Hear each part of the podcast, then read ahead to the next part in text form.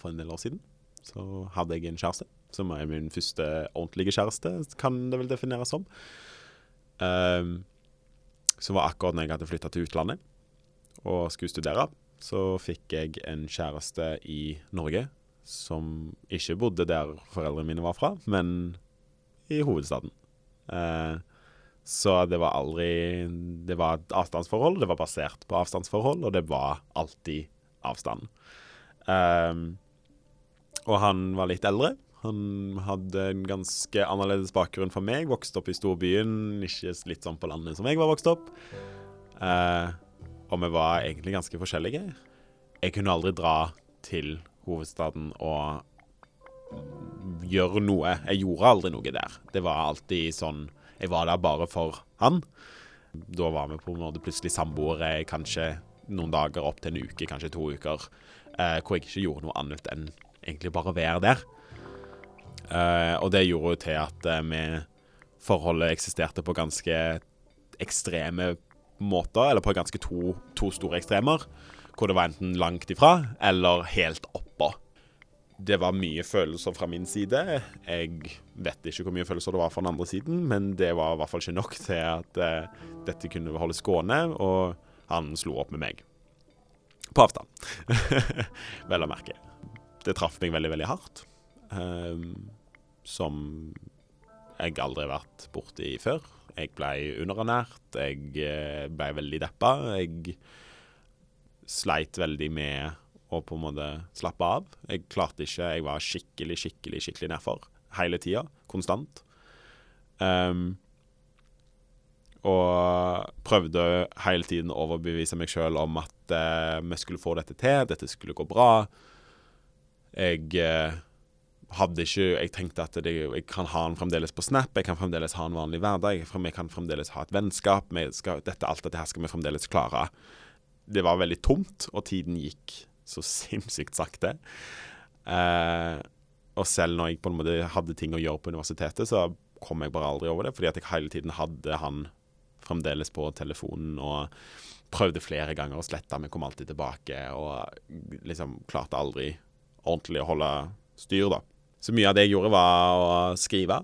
Jeg skrev fryktelig mye, for det har alltid vært min metode for å finne ut av ting. Fordi da For å prøve å samle tankene, for, for å prøve å finne en logikk i de følelsene jeg kjenner på, og på en måte sette de til side, eller i hvert fall sette de vekk gjennom skriving.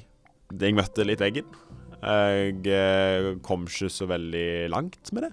Jeg hadde veldig store perioder med hvor jeg var veldig deppa, og eh, periodevis satt og grein hjemme for meg sjøl. Og, og, jeg ville ikke på en måte forstyrre noen andre med dette her, fordi at det, det var så personlig, og jeg ville ikke være i veien, så det ble veldig mye grining alene.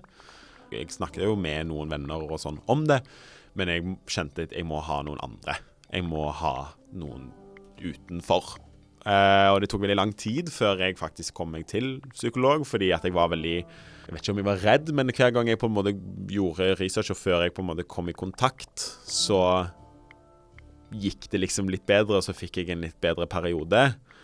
Uh, for det var jo som en berg-og-dal-bane ut av denne verden. Det gikk plutselig så jeg har du fått grene litt, så føler deg litt bedre. Så har jeg fått skrevet litt, og så føler jeg meg litt bedre. Og da var ikke det å ta kontakt med psykolog så viktig lenger. Men etter et par måneder så kjente jeg at vet du hva, jeg må bare. Jeg har ikke noe valg. Jeg må ta kontakt med noen andre, for det, det, det ble så vanskelig. Um, og det, det, gjorde jeg. Um, og hadde én time på psykolog. Hun satte meg veldig på plass uh, og fortalte meg veldig mye av hun, hun på en måte ga meg alle de riktige pekepinnene og hva jeg måtte gjøre. Eh, og fortalte meg hva jeg hadde gjort feil. eh, fordi For det første så ble jeg fortalt at du har gått altfor lenge med disse følelsene. Du har holdt på altfor lenge. Det er bare tull. Var skrivingen. Må bare totalt slutte å skrive. Eh, men så ga jo meg litt, eh, litt forskning, litt eh, science, inni alt dette her, som var det at det forklarte det med hvordan hjernen fungerer. Fordi du har en logisk del av hjernen, og du har en kreativ del av hjernen. Og jeg vet ikke hvor det forandrer seg hele tiden, denne forskningen her, men jeg syns det var en veldig fin måte å forklare det på. Eh, hvor gjennom skrivingen så hadde jeg alltid holdt på disse følelsene som noe logisk. Jeg hadde alltid Det var fremdeles reelt. Det var noe som var fordi at så lenge noe er logisk, så er det ekte. Det blir noe som er i hverdagen, det er noe som er i kroppen, det er noe som er konstant, og noe som er, gir mening på sin egen måte. Eh, men ting som er logisk, må Spesielt når det kommer til følelser og erfaring, så er det, må det fra å være logisk til å være noe som er reelt nå, til å bli et minne. Og et minne er det som skjer i den kreative delen av hjernen. Eh, så med å skrive så, og prøve å finne logikken i følelsene, så klarte jeg aldri å gi slipp på følelsen, fordi at jeg, var, jeg satt i den konstant når jeg skrev. Så satt jeg i følelsen, men jeg satte den i den igjen på en logisk måte. Jeg lot meg ikke sjøl bare føle følelsen. Jeg skulle finne ut av den, jeg skulle jobbe meg gjennom den. Jeg skulle eh, skrive ned, jeg skulle undersøke den, istedenfor å bare kjenne på den. Og så la den bare bli noe som har vært. Eh, som er jo det det som på en måte tror jeg var en av de største aha-opplevelsene jeg har hatt. Og det som har fått meg videre på mye av tankegangene mine i dag, eh, det med å bare kjenne på følelser. Fordi man har alltid lyst å unnslippe følelser. Eh, fordi at følelser er drit ofte. Eller det som jeg på en måte tenker på som negativt, er òg verdifulle følelser å ha, og følelser man skal kjenne på. Følelser, uansett hva følelser, så er jo det Følelser er jo det vår bekreftelse på at vi lever. Det er jo det som gjør at vi er i live, på en måte at vi klarer å leve.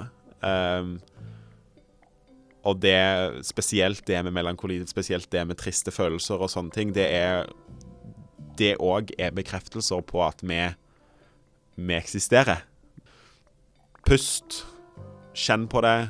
Grin litt. Men sitt i det. Hei, det her er Fride Nesten Onsdag. Det er som produserer Innblikk. I denne podkasten så får du da et lite innblikk i vanlige folk sine historier rundt identitet eller følelser eller kjærlighet eller sexliv eller eller generelt hva som kanskje foregår litt inni hodene eh, våre. Musikken den er laga av Ivar Djurhus.